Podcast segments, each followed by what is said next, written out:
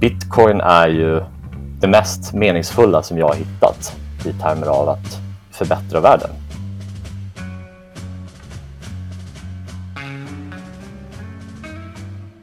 Välkommen till ännu ett avsnitt av Bara Bitcoin. Mitt namn är Simon och i detta avsnitt så har jag bjudit in Lukas Dutschko som grundat e-signaturtjänsten Scribe men som numera sadlat om till att jobba med den globala adoptionen av bitcoin. Välkommen Lukas! Tack Simon, kul att se dig! Skulle du kunna berätta din story? Hur gick du från att vara VD på ett framgångsrikt IT-bolag till att fokusera på bitcoin? Jag eh, lämnade Scribe 2017 och eh, det var ju efter några år av internstridigheter i bolaget. Det brukar heta att man, att man tar en paus eller lämnar för att ta en paus, men det är ju mer PR-storyn. Den riktiga storyn brukar vara att det är några komplikationer eller fnul på tråden. Det gjorde att jag efter den upplevelsen funderade på eh, hur man kan säkerställa att grundare eh, kan stanna i sina bolag för att förverkliga visionen hela vägen. Så att jag la några år på att eh, konsulta i eh, special situations, eh, hjälpa grundare i krissituationer. Jag hjälpte ett bolag i Indonesien, ett i Tyskland, ett i Hongkong och eh, det som jag tänkte med det initiativet var att eh, jag ville att fler grundare skulle kunna bygga sitt bolag hela vägen därför att jag tänkte att det kommer ha en större positiv impact på världen i längden. Om, om fler, fler kan förverkliga sin vision så borde vi kunna accelerera eh, världens eh, förbättring så att säga. Och, eh, så det var, det var min intention. Det som jag insåg dock i det arbetet var att eh, det systemet som ligger bakom hela VC, VC-sfären och startup-svängen, hela, hela, den, hela den finansiella strukturen är, eh, är det som ligger till grunden för alla de situationer som, inte alla, men mycket av de situationer som uppstår i de här bolagen. Så att jag tänkte att jag kommer nog kanske inte kunna hjälpa till att förändra incitamenten här på något betydande sätt. Så efter några år i eh, eh, diverse krångliga situationer med startups där jag räddade ett antal grundare och startups eh, och eh, det var ganska spännande så bestämde jag mig för att lämna det och eh, göra någonting som på riktigt kunde hjälpa andra. Eh, och eh, ungefär samma, samtidigt så sålde jag eh, mina aktier i Scribe i en sekundär transaktion februari 2020. Och eh, det var ju månaden innan hela världens eh, eh, börser kraschade med 20, 25, 30, 40 procent. Och där satt jag med lite sparkassa från försäljningen av mina aktier och fundering på hur man ser till att eh, eh, pengarna inte försvinner i inflationen. För att eh, det var ganska tydligt att de började trycka ganska rejält med pengar. Och eh, jag eh, hade ganska mycket tid på mig att fundera för att eh, pengarna var fast på ett konto eh, efter transaktionen eh, tills, eh, tills jag kunde skaffa en bank till mitt holdingbolag. Och under den tiden så tittade jag på aktier, jag tittade på, på, på obligationer, jag tittade på guld, silver, råvaror. Jag funderade på om jag skulle investera i startups och vara liksom en aktiv investerare och hjälpa till att bygga bolaget. Istället för att gå in i krissituationer så kunde jag gå in i bra situationer och accelerera istället. Och eh, jag kom fram till att alla de lösningarna på ett eller annat sätt resulterade i att jag var tvungen att lägga massa tid på att förvalta mitt kapital. Och jag är entreprenör, jag vill inte lägga min tid på att vara investerare och spekulant. Jag vill ha peace of mind. Eh, jag vill att sparkapitalet ska ligga där. Det ska inte förlora i värde. Det behöver inte växa oerhört mycket i värde heller. Jag kommer att genom mina insatser förhoppningsvis bygga mitt egna kapital i framtiden. Det jag kom fram till till slut var att, för jag letade efter någonting då som kanske inte går till noll. Om du har sparkapital så vill du inte att det ska bli noll till slut. Och någonting som kan slå inflationen utan att du ska lägga allt det där jobbet på att spekulera och göra research. Och till slut så började det bli tydligare och tydligare att bitcoin var förmodligen den enda lösningen som faktiskt uppfyller de två kriterierna. Och eh, därefter så började jag att på riktigt gräva djupare och hänga på Twitter Spaces eh, och prata med andra bitcoiners och eh, blev maximalized. Jag blev mer och mer en fullblods bitcoiner och eh, upptäckte då också, som jag inte hade väntat mig, jag började ju spar, sparande eh, på sparandesidan men upptäckte att bitcoin är ju det mest meningsfulla som jag har hittat i termer av att förbättra världen. För att oavsett, oavsett vad, vad min insats resulterar i i slutändan så finns det massor med folk som jobbar på det här eh, och eh, bitcoin är i grunden en enormt, eller en väldigt moralisk, etisk uppfinning. Kommer förbättra samhället och också transformerar eh, individen personligen som, som många tror jag bitcoiners upplever när man väl börjar bli en maxi på riktigt så börjar man prioritera på andra sätt och tänka på andra sätt. Eh, så att eh, det som jag hade hoppats att hitta i den här aktivistinvesteringarna som jag hade tänkt göra med startups och hjälpa dem och försöka förändra incitamentstrukturerna för att accelerera förbättringen av världen. Det hittade jag i bitcoin. På din Twitter så har du skrivit att en, du har satt en pinnad tweet där som heter Jag har beslutat att dedikera de kommande 10 till 20 åren eller möjligtvis resten av livet åt adoptionen av bitcoin. Kan du berätta hur du kom fram till att det här du vill göra? Det, det är de här olika stegen som, som jag berättade om, men mentalt så, är det ju, så, så går det långt tillbaka i tiden. Jag, jag startade i Scribe, eller funderade innan till och med, innan jag startade Scribe, så funderade jag på vad jag kan göra för att bygga kapital som jag sen kan använda för att göra bra saker eh, som, som hjälper andra människor. Och eh, eh, Scribe var egentligen för mig ett första steg. Eh, att signera dokument elektroniskt är ju egentligen inte särskilt eh, inspirerande på något sätt. Du, du säljer liksom en processmjukvara till storbolag som är skitbökiga att eh, jobba med. Eh, så på vissa sätt är det ganska svårt att vara riktigt passionerad kring, kring vad som händer där. Så jag såg det på ett ganska praktiskt sätt när jag byggde det bolaget. Och Eh, när jag tog ett år att fundera efter att jag hade lämnat Scribe vad jag egentligen ville göra så läste jag en bok som verkligen klingade eh, som verkligen I resonated with um, av Peter Singer, um, um, Effective Altruism, uh, som handlar om vart kan man göra störst möjligt positiva impact, effekt för andra och det bygger på liksom, konceptet liksom, du måste möta din talang med efterfrågan. Så Zlatan Ibrahimovic, hans bästa insats är nog att spela, var att spela fotboll, bli förmögen och sen kan han använda pengarna för att göra bra saker. Han skulle inte kanske vara en bra tech entreprenör. Eh, han kanske inte skulle ha störst impact där. Så att eh, det var ramverket som jag sedan använde i några år på att fundera på vad jag skulle göra. Och eh, bitcoin är fortfarande en av de få sakerna som jag har hittat, eller den enda saken som jag hittat som jag är helt säker på. När jag verkligen började bli bitcoin maxi och när jag omvandlade min balansräkning i bitcoin, började räkna hur mycket bitcoin man har istället för att räkna dollar eller kronor. Det händer någonting med psyket och eh, det var, det var kring det, några månader efter det, som jag kände ja, eh, det är det här jag kommer spendera min tid på.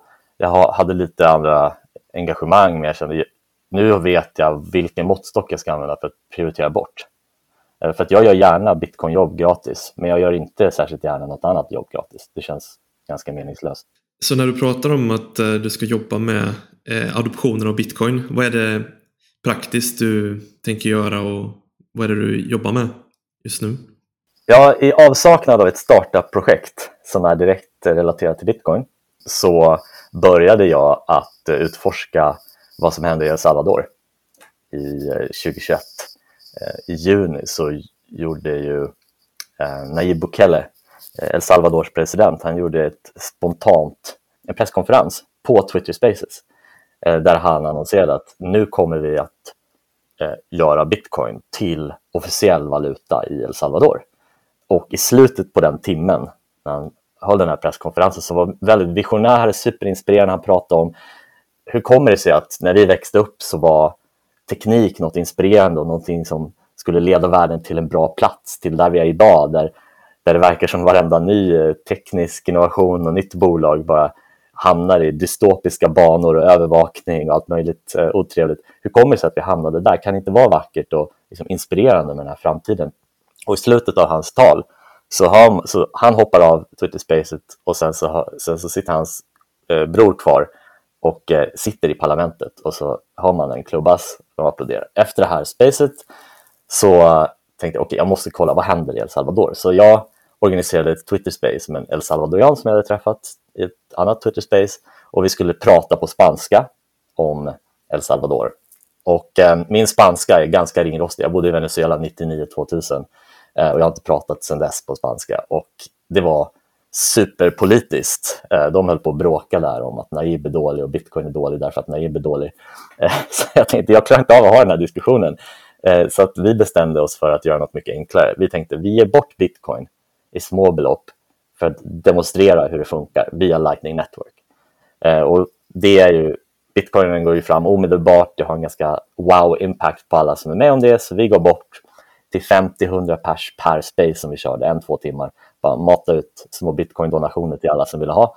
Och eh, vi körde El Salvador, sen körde vi Mexiko eh, med en snubbe som heter Julio A på Twitter. Sen körde vi Kuba med Erich eh, och sen så körde vi Venezuela. Och under tiden så byggde vi upp en liten Twitter-chatt där vi organiserade de här eh, giveawaysen tillsammans. Och eh, en dag så var det en snubbe som sa låt oss köra ett 24 timmar långt Twitter Space eh, på dagen då bitcoin blir officiell valuta i El Salvador eh, och fira det här. Ehm, och då bestämde, och först så lät det som en ganska dålig idé att köra ett nonstop 24 timmar space, men efter kanske 12 timmar så var det massor med folk som höll på att jobba på det här, organisera och vi höll på att dra i trådar. Vem kan, vem kan köra ett space? Och hur ska vi, vad ska det heta? Hur, eh, ja, vad ska vår logga vara? Ska vi ha något eget eh, Twitter-handle? Så vi lyckades på 6-7 dagar att få ihop 24 separata Twitter Space med ja, communities från 18 olika länder eh, som själva organiserade sina space. Eh, och eh, det var superhög kvalitet på de här, superintressant att lyssna. Och efter det här 24 timmars racet så kände vi alla att wow, vi har någonting här. Så då, då bestämde jag att vi kör det här en gång i veckan och eh, eh se vad som händer. Eh, och eh, nu är vi snart på avsnitt 20. Känns som att det bara växer mer och mer. Nu, nu, nu ska någon köra ett, ett Twitter Space en gång i månaden för att uppdatera om vad som händer i El Salvador. Eh, och en annan person har dragit igång ett space som kör en gång i veckan för de som har varit med kan prata med varandra. Vad händer i Venezuela? Vad händer på Kuba? Vad, vad händer i Vietnam? Vad händer i Sverige? Um, och det är väldigt hög kvalitet på de här diskussionerna. Och vi kände, orsaken till att vi började det här var för att vi kände att allt är så USA-fokuserat i bitcoin. Eh, vi kände att det behövs lite mer liksom, interaktion mellan andra communities. Eh, det är inte, USA är inte det enda intressanta här. Så att eh, jag är väl den som är mest van vid att bara vara ihärdig och bara köra en cadence. Så att jag är den som, som liksom driver det i ganska stor del, men eh, det är inte mitt mål. Jag vill bara, jag vill bara leka med det här ett tag och förhoppningsvis är det någon annan som, som tar över och fler, fler och fler tar över. Nu har vi en snubbe från, från Zimbabwe som sköter vår marknadsföring, en snubbe från El Salvador som producerar allt, Julio från Mexiko som kör de här veckospacen och så vidare. Är det Global Bitcoin Fest som du pratar om nu? Ja, just det. Och det heter, vi döpte det till Global Bitcoin Fest, korrekt. Så det är väl det jag gör eh, i avsaknad av en startup i spacet. Jag funderar fortfarande på vad jag ska göra där om jag ska göra någonting annat.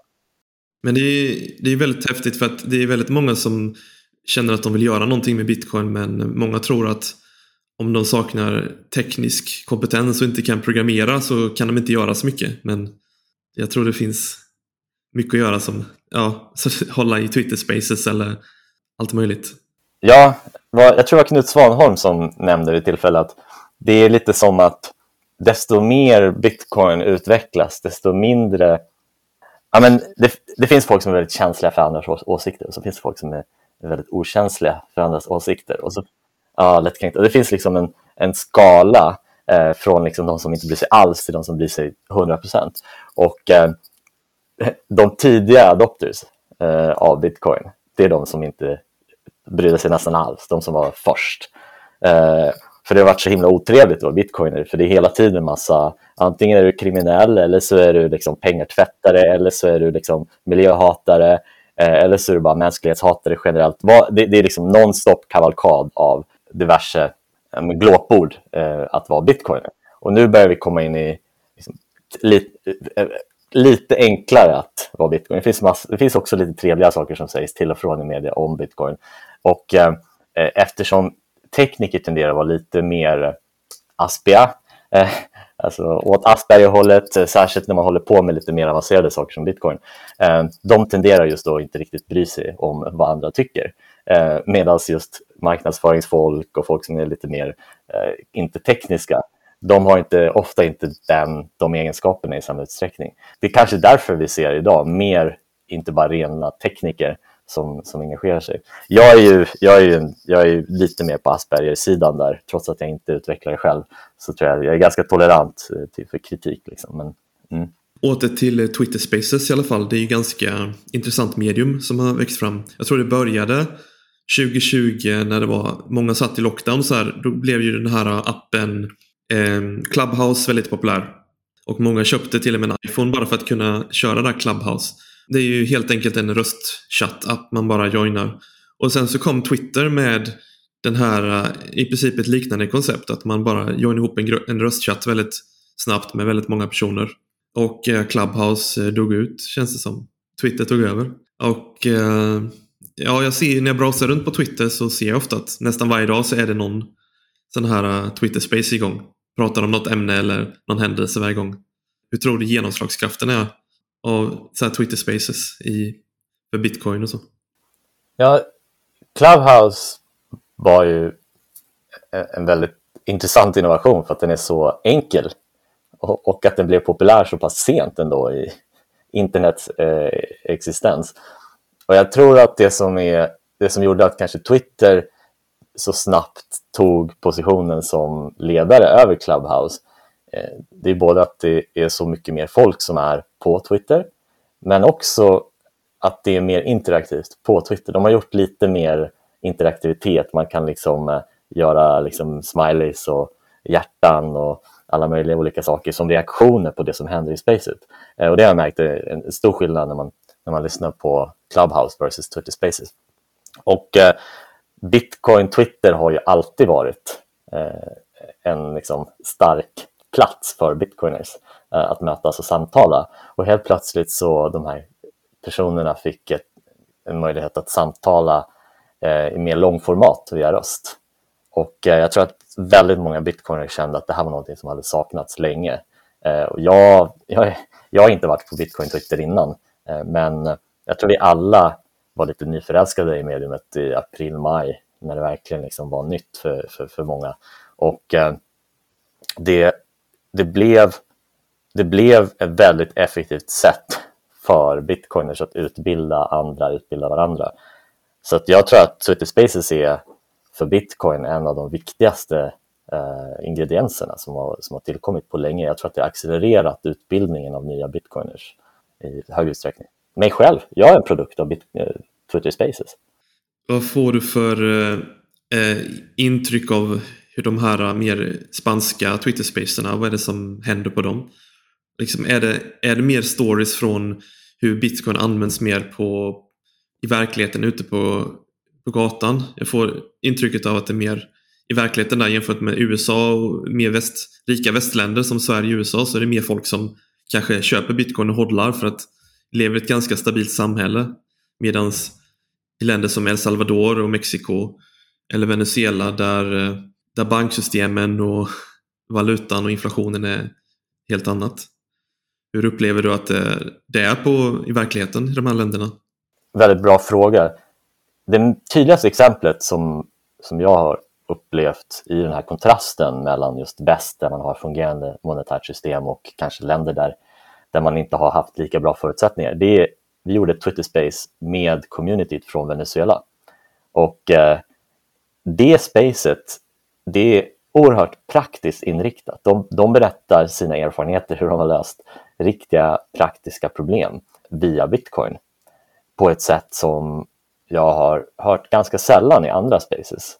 Eh, såklart så kommer det liksom situationer där, där folk delar sådana saker, men det mest extrema var Venezuela och vi vet alla att Venezuela har haft liksom miljontals procent inflation eller om det är hundratusentals procent inflation. Ehm, och eh, El Salvador är också väldigt praktiskt och sen har du liksom skalan hela vägen till de gånger då vi har kört spaces med till exempel Frankrike så då är det mycket om hur regeringen försöker försvåra eller eh, hur man liksom, ja, man kan hodla men skatterna är så höga att det är svårt att liksom egentligen använda det utan att få liksom betydande liksom problem med redovisning, skatt, skatt, liksom, eh, bokföring. Liksom. Så att folk tenderar att inte vara lika praktiska utan det handlar mer om, liksom, som du säger, teori och att träffas och lära sig eh, snarare än att använda bitcoin. Mm, upplever liknande i svenska forum också väldigt mycket. Nu har det antagligen varit så deklarationstider och det är mycket, som, mycket snack kring hur man ska deklarera rätt och så här. En, en rolig prakt, ett undantag från det här är ju, vi kör ett space med Nederländerna. det är en snubbe där som kör, de är väldigt praktiska generellt faktiskt. Eh, och eh, en snubbe där som gör ett, kör ett bolag som heter Bitcoin Blom. Han säljer orangea tulpaner för bitcoin. Jätteroligt. Har du någon så här eh, uppfattning om hur adoptionen av bitcoin har, har gått i El Salvador nu sedan det blev en legal tender? Har det gått bättre eller sämre än förväntat eller vad är ditt intryck? Jag tror att folk tenderar att tro att eh, adoption av teknik går lite av sig själv. Och det här är en av mina huvudsakliga eh, lärdomar från Scribe-resan. Att, eh, när vi hade sålt in vårt system för elektronisk signering till ett bolag så eh, gick det inte av sig självt. Till exempel, vi sålde in till tre, telekomoperatören, 2013 för att de skulle rulla ut i alla sina butiker. Och vi implementerade det där på några månader men de kom inte igång med att använda systemet på två år.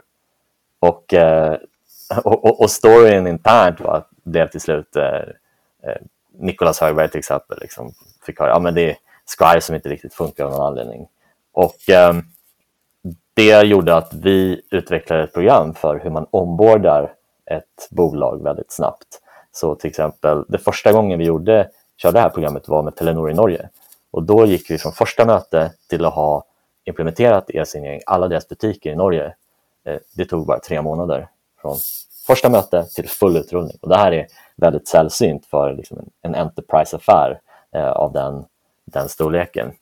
Och eh, det, jag tänker lite på samma sätt med bitcoin att, eh, i El Salvador. att De körde nog lite av en tre scribe eh, implementation där. De gjorde, implementerade lagen, de lanserade en wallet som heter Chivo eh, och eh, gav varenda salvadoran lite pengar och sen hoppades man att det där skulle ta fart. Och sen tror jag att folk insåg ganska snabbt att så här enkelt är det inte. Och bitcoiners började väl inse att vi måste hjälpa till och ro för att det här ska hända här. För att eh, de har de har varken resurser eller kompetens eh, i El Salvador att göra det här helt själva. Och, eh, eh så att jag skulle säga att efter första året, först eufori, sen kalldusch och sen eh, ett långsamt uppvaknande så känns det som att nu börjar, börjar det på marken att komma igång. Det är den känslan jag får. Vi körde just ett Twitter Space tillsammans med eh, folk på marken i El Salvador eh, med Bitcoin Beach, El Sonte, med Max Kaiser, Stacey Herbert, ehm, Samson Moe ehm, och eh, ett gäng också lokala bitcoiner som, som eh, fokuserar på det här. Så det känns som momentum börjar, börjar komma, men det tar nog några år till innan det får ordentligt fotfäste. Så att vi får bara hoppas att eh, Nayib Bukele lyckas hålla sig fast och inte bli för opopulär med stormakterna. Ja, jag, jag vet jag pratade med någon som var, som var i El Salvador som pratade med lite folk på marken och det är ju fortfarande en överhängande majoritet som inte vet vad bitcoin är än liksom, eller hur de ska använda det på ett korrekt sätt. Det är liksom kunskapen finns ju inte där och det tar ju väldigt lång tid att lära sig. Och, eh, så att det kanske var lite mycket hype att nu blir det legal tender och nu kommer alla börja använda bitcoin. Men det är kanske inte riktigt så i, verkligheten. Nej. Va, va, har du hört några andra stories också från El Salvador? Nej, jag har bara hört lite från folk som var på den här Adopting Bitcoin-konferensen till exempel. Som passade på att resa runt lite och eh, prata med folk. Och det verkar som att adoptionen är väldigt koncentrerad till Bitcoin Beach och närområdet. Men det är väldigt många andra områden i El Salvador som de använder inte bitcoin alls där. Det är nog en långsam process som du säger. Men... En viktig aspekt är också att eh, det var en stor besvikelse med Shiva Wallet. Att den var lite svår för folk eh, i början att förstå vissa aspekter. Till exempel så var det svårt att hitta hur man kunde göra lightning transactions. Eh, on-chain var liksom default och det är dyrare medan lightning är omedelbart och billigt men det var gömt samtidigt som det var en hel del eh, buggar. Naturligt, de byggde det på tre månader eh, så att eh, jag skulle säga jag var ganska imponerad vad de ändå lyckades åstadkomma som en regering på tre månader. Men mm. Ja, jag tycker nog också. För att det hade nog varit sämre att bara säga att nu är det legal tender och sen inget mer. Att faktiskt ge alla en enkel wallet som är på deras egna språk. Eh, utveckla lokalt som de får lite deposit i. Så att de direkt kan börja skicka mellan varandra och så här. Det är ju en väldigt eh, grej som kickar igång adoptionen kan jag tänka mig.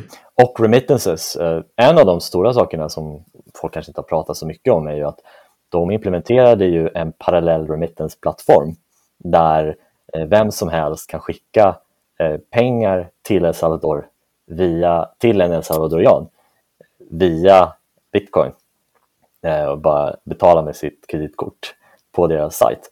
Eh, och det är oerhört smidigt implementerat också. Så jag tror inte att man behöver en salvadorianskt lägg för att göra den överföringen. Eh, utan vem som helst kan göra det och det är en direkt konkurrent med Western Union. Och istället för att kosta 5 eller 10 procent av vad det kostar i transaktionsavgift och att man måste resa till Western Union eh, stället för att ta ut sina pengar så kan man få dem direkt i sin Shiva Wallet.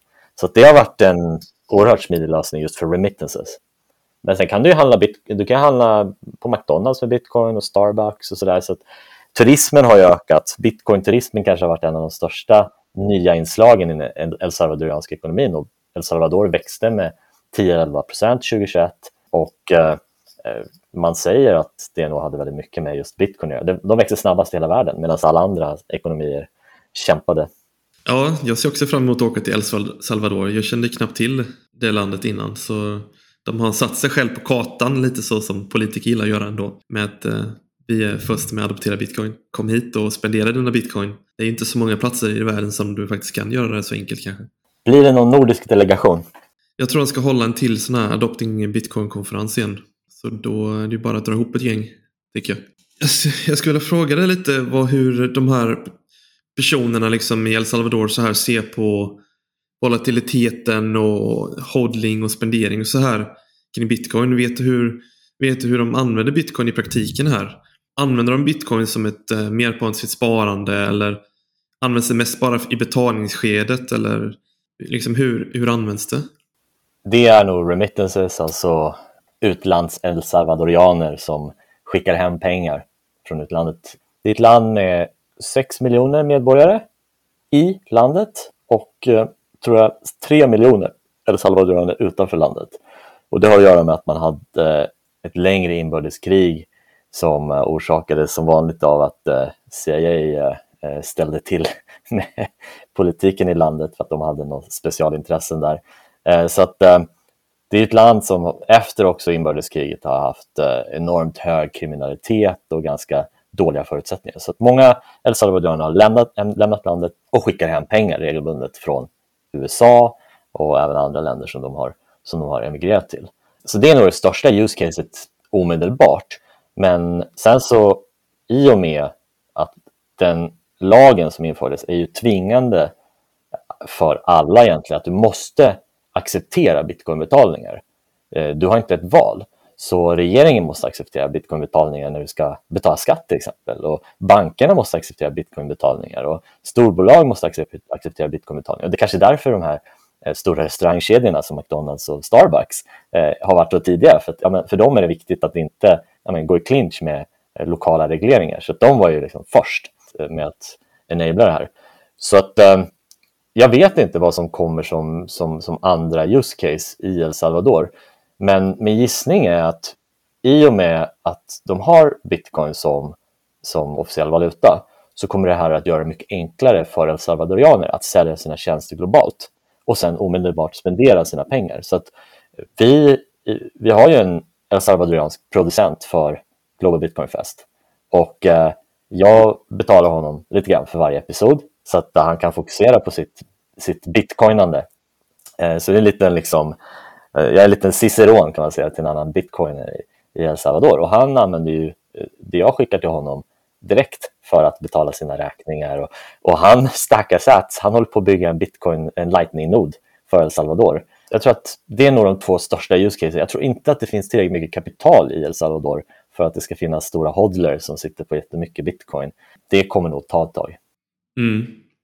Jag bara tänkte ifall de, att om det är många som börjar spara pengar i, i bitcoin eller ifall de konverterar till dollar. För jag vet att den här Chivo-walleten har en så här inbyggd typ dollar eh, konvertering och väldigt många föredrar ju den här stabiliteten av dollarn. Ja, man måste ju tänka på att om du har väldigt låg inkomst, jag tror att snittlönen i El Salvador kanske är 3-4 000 kronor i månaden, så 300-400 dollar i månaden. Och eh, det kanske är högre, kanske 500-600, men det är inte tillräckligt för att du ska ha marginal. Att ta en svängning på, på dina besparingar på 50 procent när du helt plötsligt måste liksom reparera din telefon för 200 dollar. Eller ta, ta, ta liksom en, betala för en sjukvistelse på sjukhuset eller någonting sånt. Så att det, det, det är ett problem i att, att eh, i och med att folk tjänar så pass lite så kan de heller inte spara i större utsträckning och ofta så känner folk då att ah, men då är det ingen idé att jag sparar någonting alls. Om jag bara kan spara 10 dollar då, då skiter jag i det helt och hållet. Um, så att uh, jag tror att de flesta, vad jag har förstått, konverterar sina pengar i, uh, i dollar nu. Och uh, det är nog där vi kanske kommer se det stora sparandet. Det är ju om Nayib Bukele tillsammans med Samsung Mo, den här kanadensiska bitcoinern som startar Blockstream tillsammans med Adam Back, om, om, han, om de lyckas resa en miljard dollar eller mer i bitcoin bonds där hälften just ska sparas eh, eh, som bitcoin i den El Salvadorianska statskassan. Så jag tror den största hodlen blir El Salvadorianska regeringen om de lyckas med det där. Ja, um, har, du någon, har du fått någon så indikation på om det är några fler länder som är nära på att eh, införa bitcoin som legal tender? Ja, det är mycket lösa rykten och det är mycket folk som missuppfattar vad legal tender betyder. Eh, legal tender betyder att det är en tvingande lag som tvingar eh, alla aktörer i ett land att acceptera den valutan. Och eh, eh många bitcoiners som jag lärde mig från Knut eh, när vi körde vårt 24 timmars space, Knut Svanholm, många bitcoiners gillar ju inte legal tender laws för att det är emot frihetsprincipen, eller principerna som många bitcoiners gillar. Eh, man ska få göra transaktioner i vad man vill. Så man ska inte tvingas göra transaktioner i venezuelanska bolivares eh, som eh, inflaterar med en miljon procent om året om man inte vill det. Man ska få skippa de dåliga valutorna. Så, så det finns missuppfattningar kring just vad det innebär. Så att idag så har det ju varit några nyheter om att nu, nu är det, vad var det senaste? Det var något litet Marbella, va? Så nu, ska, eh, nu ska de adoptera bitcoin, tror jag de sa. Och det stämmer inte, för att de implementerar bara någon typ av kryptoreglering. Ja, men det blir lättare att veta vad som gäller kring krypto. Men jag tror Schweiz implementerade några kryptolagar 2013, 2012. Okej, okay, det är inget nytt. Det är inte precis att Schweiz har blivit ett stort bitcoinland bara på grund av de lagarna. Och, eh, så att det krävs ganska speciella förutsättningar för att man ska kunna implementera en, en, en lag som är tvingande för bitcoin. Vilka är förutsättningarna? Det är du måste förmodligen ha en nära på despotisk ledare. Någon som har nästan total makt. För att bitcoin är så pass kontroversiellt att du kan inte övertyga alla eh, i ett stort parlament om att det här kommer funka. Eh, det tar för lång tid. Alltså, vi vet alla, alla som är bitcoiners, inte du kanske Simon, men jag var väldigt trögfattad. Alltså, det, jag hittade bitcoin första gången 2013. Jag köpte Litecoin och Feathercoin i små mängder för att jag tyckte bitcoin var för dyrt. Och 2017 testade jag igen och så köpte jag en massa shitcoins och så förlorade jag alla pengar. Så det är, inte, det är inte först efter sju år som jag tänkte efter ordentligt. Och det är många som, jag var kanske segare och dummare än de flesta, men de flesta har ändå en, en resa där det tar ett tag. Så ska du ha en he, ett helt parlament som ska övertyga, men det kommer inte hända. Så du måste ha en despotisk ledare, ja, men så måste de kanske ha möjlighet att göra det här tillräckligt snabbt. För att Eh, Nayib Bukele, det här berömda Twitter Spaces när han körde en timme liksom, spontan presskonferens om varför de ska implementera bitcoin. Innan han började det, då satt han i telefonsamtal med IMF, berättade hans bror. Vi väntar, han sitter i telefon med IMF, vi väntar bara på att han ska lägga på med IMF. Det var midnatt i El Salvador. IMF ringer en president mitt i natten och stör honom. Varför? Då måste jag ha varit i panik. Och det måste ha varit ganska starka ordalag. Gör inte det här, vi vill absolut inte att ni gör det här. Och eh, Naib sa tydligt på det här, i den här presskonferensen att jag går inte och lägger mig innan jag har signerat den här lagen som kommer klubbas i parlamentet. Varför går han inte och lägger sig? Jag tror att han inte vill att det skulle finnas någonting som kunde komma emellan hans signatur och det där pappret. Eh, så, så fort han hade signerat, han kunde dö dagen efter. Det skulle fortfarande gå igenom. Och sen hade han ett möte med IMF på torsdagen. Jag tror att det var en annan anledning. Jag tror inte att han ville att de eh, bättre, vad säger man, eh, bättre att be om förlåtelse än att be om lov. Så enligt den principen, att göra det, implementera lagen, ah, it's done. Så din fråga var, vilket land kommer först efter? Sorry, jag bara ville utveckla lite varför jag tror det här. Jag tror att det kommer vara ja, men något, något land där det finns de här despotiska förutsättningarna. Så kanske Turkiet. Naib har ju varit och pitchat eh, Erdogan. Ja, någon som är modig nog att peka finger till IMF och, och andra som inte gillar bitcoin. Ja, det verkar ju som att eh, IMF har en annan agenda. De har ju ett annat sätt att hjälpa utvecklingsländer på med eh, stora lån och så här. Sätter dem i beroendeställning det är, mycket, det är många som skämtar om på Twitter att IMF är väldigt eh, rädda och skraja nu över den här bitcoin-lagen för att det hotar deras makt eller någonting. Ja, direkt efter att de implementerade bitcoin, eller ganska strax efter att de implementerade bitcoin som officiell valuta, så nedgraderades El Salvador eh, av eh, Standard Poor. Och det är ju direkt hitjobb, så att deras ränta skulle öka på deras lån. Och eh, IMF kom ut och sa massa negativa saker, att nu är det superriskabelt här och jättedåligt för El Salvador. Så att eh, de, de har ju inte varit särskilt eh, positivt inställda till det som hände. Så att eh, den, som implementerar bitcoin Nest kommer inte få hjälp från IMF i första taget. Jag tror också att det tar väldigt lång tid för folk att förstå de här sakerna. Alltså, jag har också köpt Litecoin 2013 och 2017 köpte jag också massa andra rena scamcoins och sånt här. Så att det är liksom en lång, lång resa och 2017 när jag började få lite mer förståelse för att, eh, vad bitcoin har för potential så tänkte jag att okej, okay, men det här kanske kan bli legal tender i något land, kanske 10-20 år bort. Och sen så tar det 3-4 år. Enligt min egna mentala liksom, modell över hur det här kommer kanske spelas ut så har det ju skett så mycket snabbare. Och eh, bitcoin är ju fortfarande lite under uppbyggnad kan man säga. Ut, alltså det är ju hur det är många tekniker som behöver utvecklas, det är plånböcker som behöver byggas, det är så mycket som infrastruktur som fortfarande saknas kan man säga. Lightning är ju det som används eh, för betalningar mest nu och det är ju bara något år gammalt och det är fortfarande i lite betastadiet kan man säga. Så att det, är, det får gärna ta lång tid och, och liksom gro, ligga och gro. Så att eh, alla som jobbar och bygger på det här kan liksom jobba ostört Sen så kan adoptionen komma lite senare eller sakta men säkert. Hashtag reckless nästan på att adoptera till ett land med lightning när det är så ny och oprövad teknik egentligen. Ja, det, jag hade ett samtal under vårt 24 timmars space med Leo Weiss från eh, Lightning Labs just om vad var egentligen förutsättningarna för El Salvador att adoptera bitcoin? Eh, liksom, klarar Lightning Network av adoptionen hur, hur, kommer, det här, hur kommer det här funka? Så jag håller med om att eh, det, var, det var ganska galet och det var väl, ja, men, det var väl bara liksom månader efter att det överhuvudtaget gick att göra. Det var ju oerhört tidigt. Jag tänker att det är mycket, det har varit mycket ideella projekt som, som det du har jobbat med Simon, eh, Mempool eh, och eh, den här podden, Global Bitcoin Fest, eh, olika wallets som ju inte är särskilt lönsamma jag tror att det som håller på att hända nu, i och med den senaste uppgången i bitcoinpriset, så är det tillräckligt många bitcoiner som har blivit tillräckligt förmögna för att avvara lite av sina bitcoins till att investera i troligen ganska olönsamma projekt jämfört med bitcoinprisets utveckling. Så att bara under det här året, så, jag vet inte om du håller med, så tycker jag att man ser mer och mer startups i bitcoin och investeringar i bitcoin startups och bitcoin VCs. Um, eh, vad tänker du?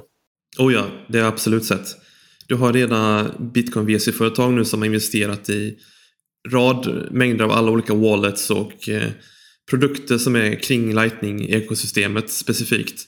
Så ja, det, det, är nog som du säger, det, det kan vara bitcoinrikedom som det kommer ifrån. Eller att det har blivit så pass mainstream att det har lockat storkapital att komma in. Du har till exempel den här norska eh, fonden Aker då som har grundade CT som ska investera i olika, så de håller på att investera i olika bitcoin startups till exempel. Så det, det är liksom, det, det växer.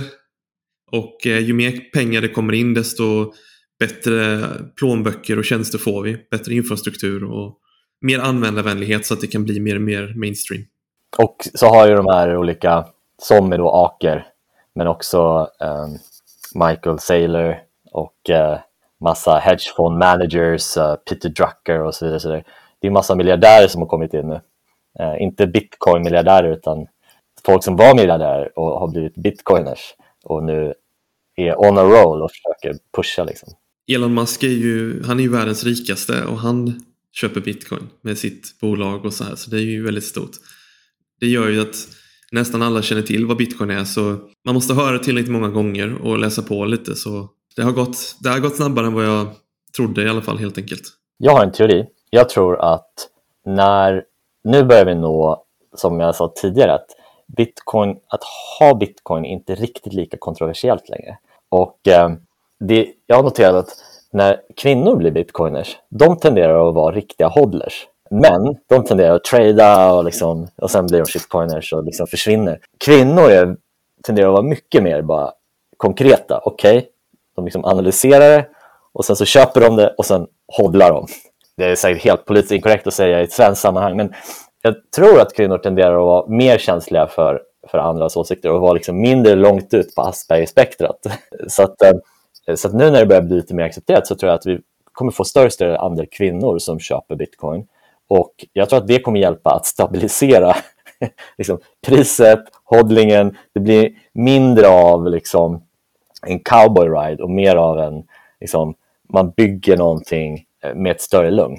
Eh, jag tror att det, det är liksom en av de kulturella aspekterna som jag tror kommer komma mer och mer i och med att det har blivit mer accepterat. Allt eftersom fler lägger bitcoin mer som en eh, så här regelbunden köp till exempel varje månad eller någonting för sin, från sin lön eller sin pensionsfond och så här. Då skapar det liksom ett konstant köptryck hela tiden i bitcoin och då får du också en mer stabilitet i priset och eh, högre likviditet. Så med tiden så sjunker volatiliteten när det kommer fler sådana här typer av när det kommer fler hodlers, fler som köper regelbundet. Det blir mer och mer populärt. Det finns ju en, en exchange som heter Swan Bitcoin som har fokuserat helt på det här med att du ska köpa regelbundet. Och det är väl någonting, den här svenska exchangen Trio också försökt jobba på det mycket och satsat på att man ska kunna köpa automatiskt liksom hela tiden.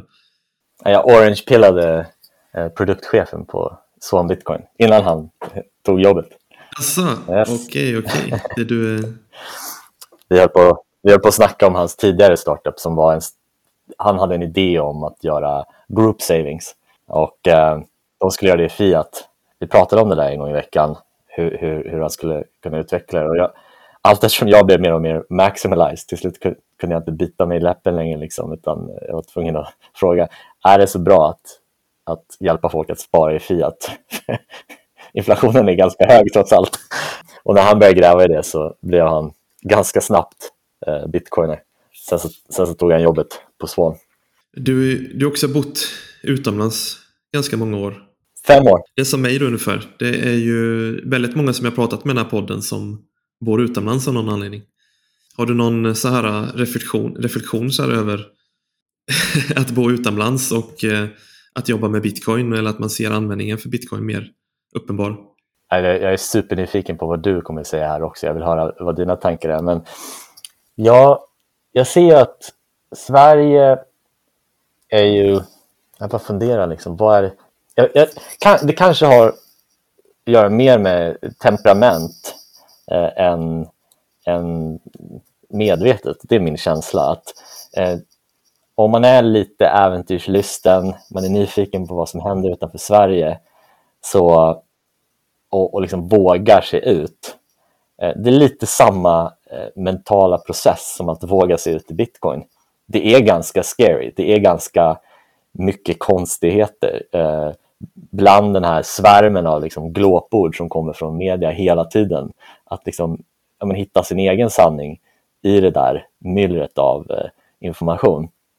Det kanske finns någon likhet i liksom den utforskarandan och varför fler, eh, det är så många som är utomlands. Ehm, och ja, eh, oavsett om man kanske åkt utomlands och blivit bitcoiner eller om man har varit bitcoiner och åkt utomlands. Jag undrar om det hör ihop. Vad tänker du Simon? Berätta. Ja, för min del så var det ju till stor del politiskt.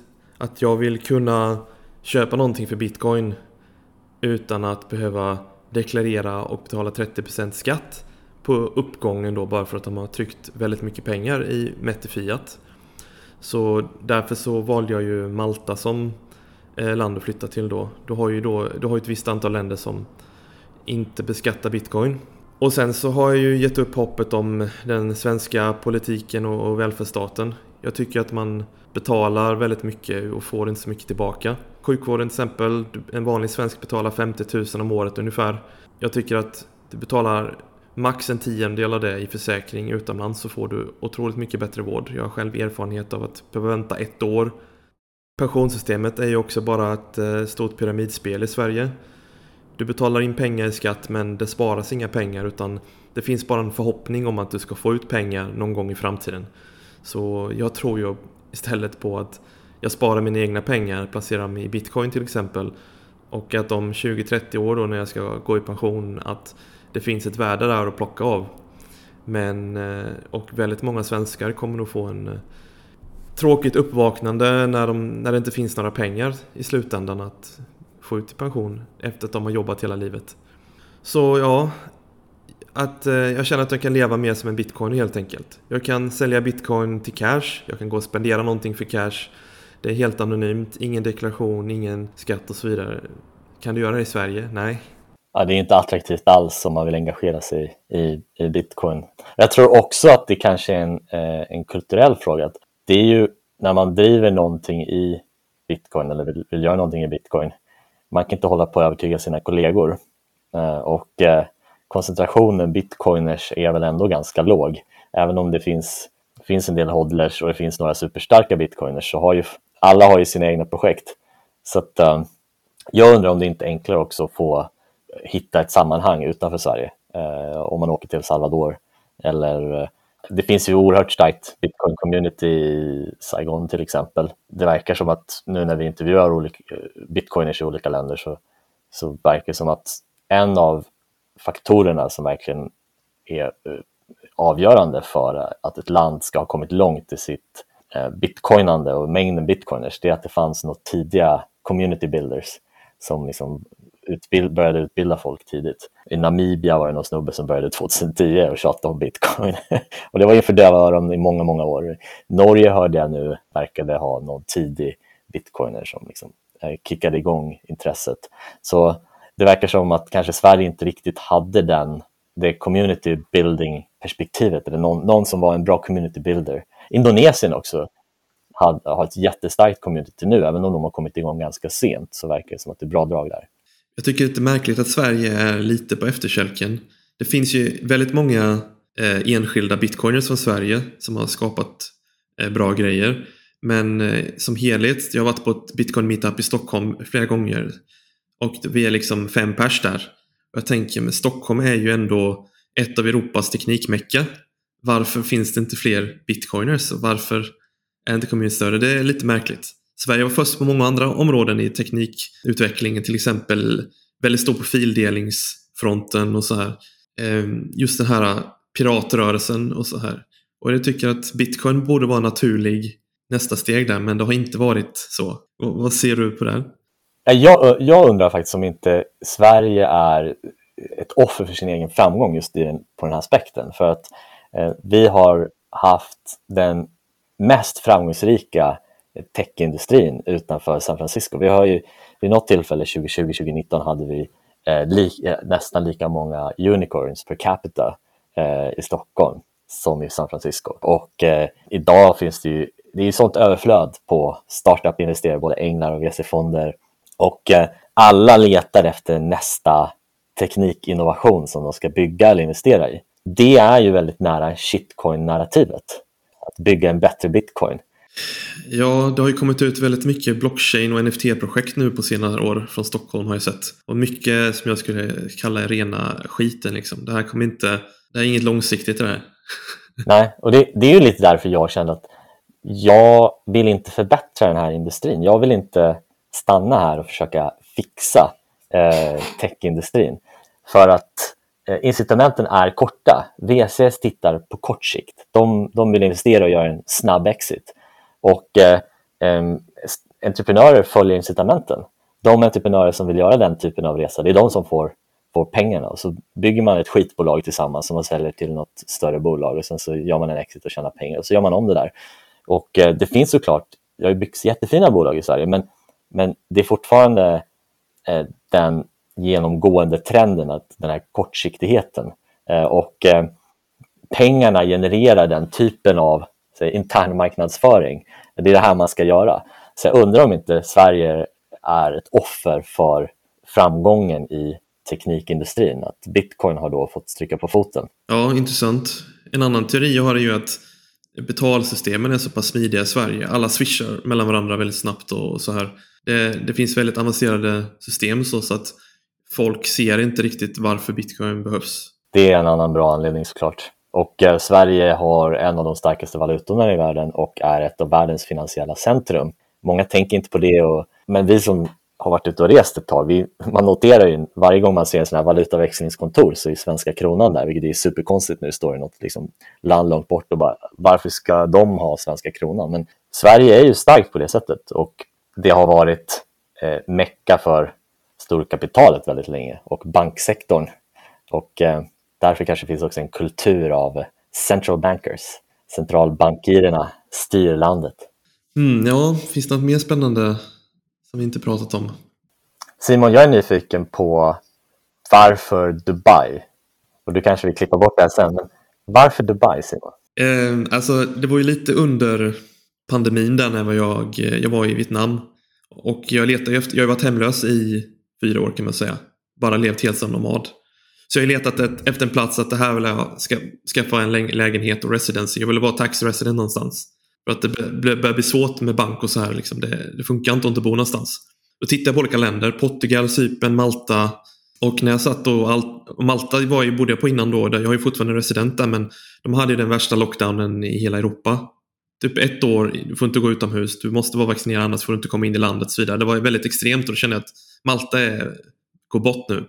Och det är flera andra anledningar. Och sen så åkte jag till Dubai två månader innan jag skulle till Miami.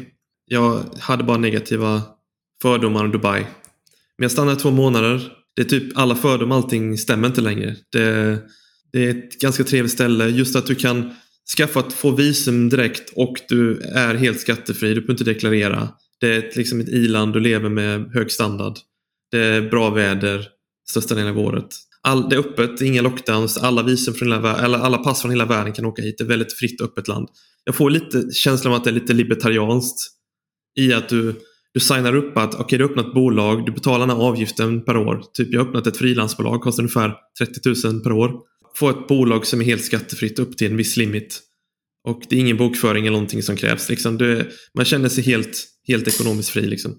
Ja, liksom, jag har en lägenhet här med havsutsikt och liksom det är gigabit-internet och centralasien. Liksom det är väldigt hög levnadsstandard här.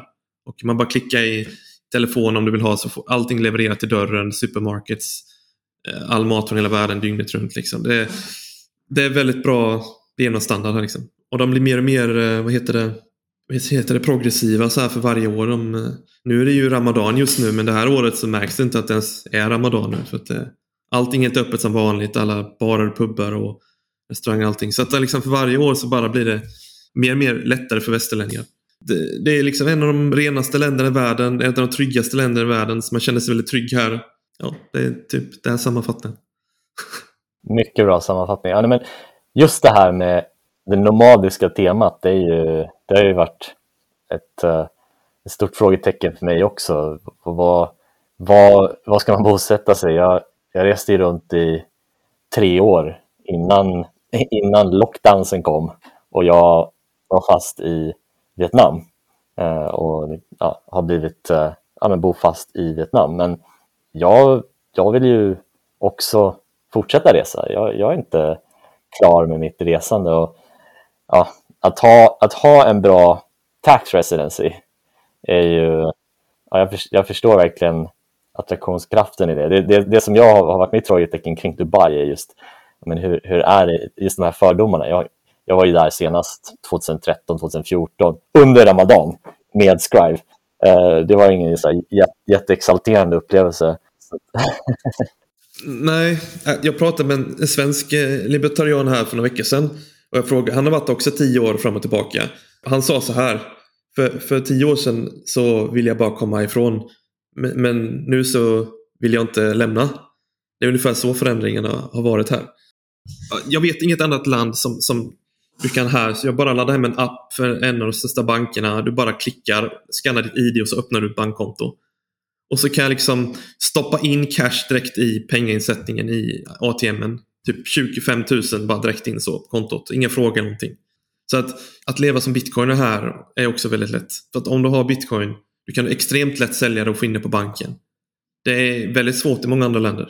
Det är väldigt lätt i Vietnam vet jag, men eh, man vet ju inte hur länge. Det är lite mer osäkert, jag vet inte riktigt. Men det här är liksom en stor finansiell hubb. Det är lite, det är lite som Singapore, liksom. ett arabiskt Singapore, väldigt fritt ekonomiskt. Mm. Och Singapore är ju lite före detta nu. Jag har en vän i Vietnam som han har ju flytt Singapore för att det, han tyckte också det blev för dystopiskt under. De körde ju också bland de hårdaste lockdownsen i världen. Ja, det är tråkigt att höra. Och Singapore är ju väldigt liten litet så det har ju varit väldigt extremt dyrt att bo där. De har väldigt höga krav på att få visum. Det, så det är i princip svårt och ja, omöjligt att flytta dit nästan. Det är väldigt höga krav. De har liksom en kvota på folket. Medan eh, Dubai, de har, de har, här har de en hel öken att bygga ut. De har byggt en liten procent av allt här egentligen. Så att de bygger som attan här. De ökade befolkningen med 100 000 bara förra året. Och det bara väller in investeringspengar nu från hela världen. Och det har skiftat väldigt mycket från öst nu till väst de senaste åren. Det är väldigt mycket vad det är, britter, italienare och så här som... Och nu är det extremt mycket ryska pengar som kommer hit också. För att UAE är neutrala i kriget. Så alla ryssar bara flyttar alla sina pengar från väst, från Europa till Dubai.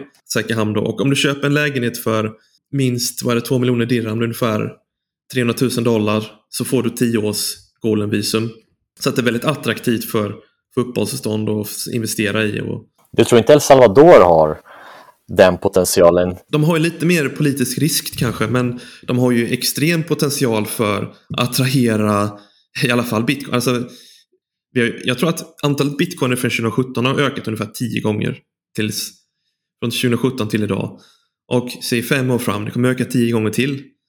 Du har ju enormt mycket personer som sitter på ja, spar, sparande i bitcoin och, eller orealiserat kapital.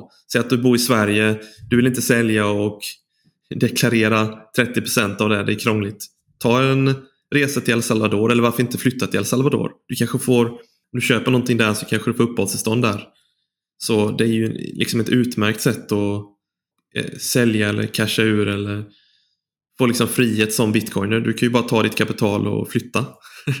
ja, men samtidigt så har du såklart den politiska risken. Det har ju, Centralamerika har en historia av eh, regeringsbyten Eh, så det är inte alltid, eh, man, man vill inte spendera massa tid på att flytta dit och sen, eh, sen om, måste man omplanera allting efter ett år. Nej, det är ju det. Jag skulle oroa mig lite där för äganderätten och, och så.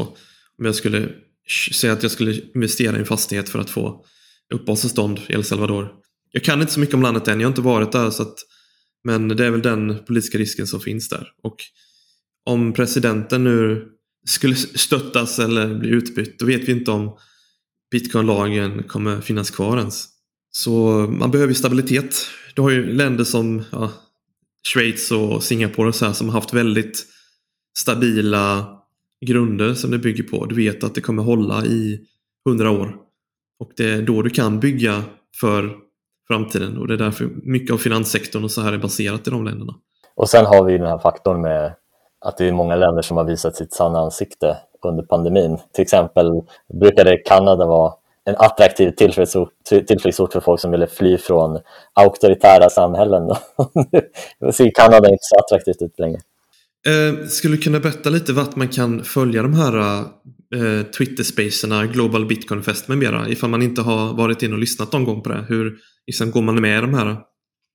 Man kan kolla på Global BTC Fest på Twitter eller bara kolla på vilken podcastplattform som helst, Global Bitcoin Fest, eh, så hittar man det på Spotify, på Anchor, på ja, överallt, Audible, eh, vi publicerar överallt. Eller så kan man lyssna live på söndagar. Och eh, vi anpassar oss till lokal tid där, där våra gäster är, så ibland är vi i Amerika, Amerika, ibland är vi i Europa, ibland är vi i Asien, men vi kör söndagar typiskt sett. Ja, är det något annat du vill säga?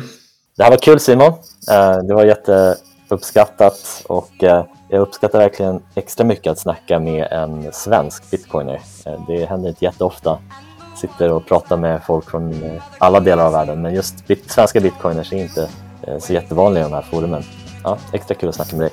Ja, tack så mycket igen att du ville vara med. Jag ska fortsätta jaga upp alla svenska bitcoiners runt om i världen som gör någonting viktigt för bitcoin och så.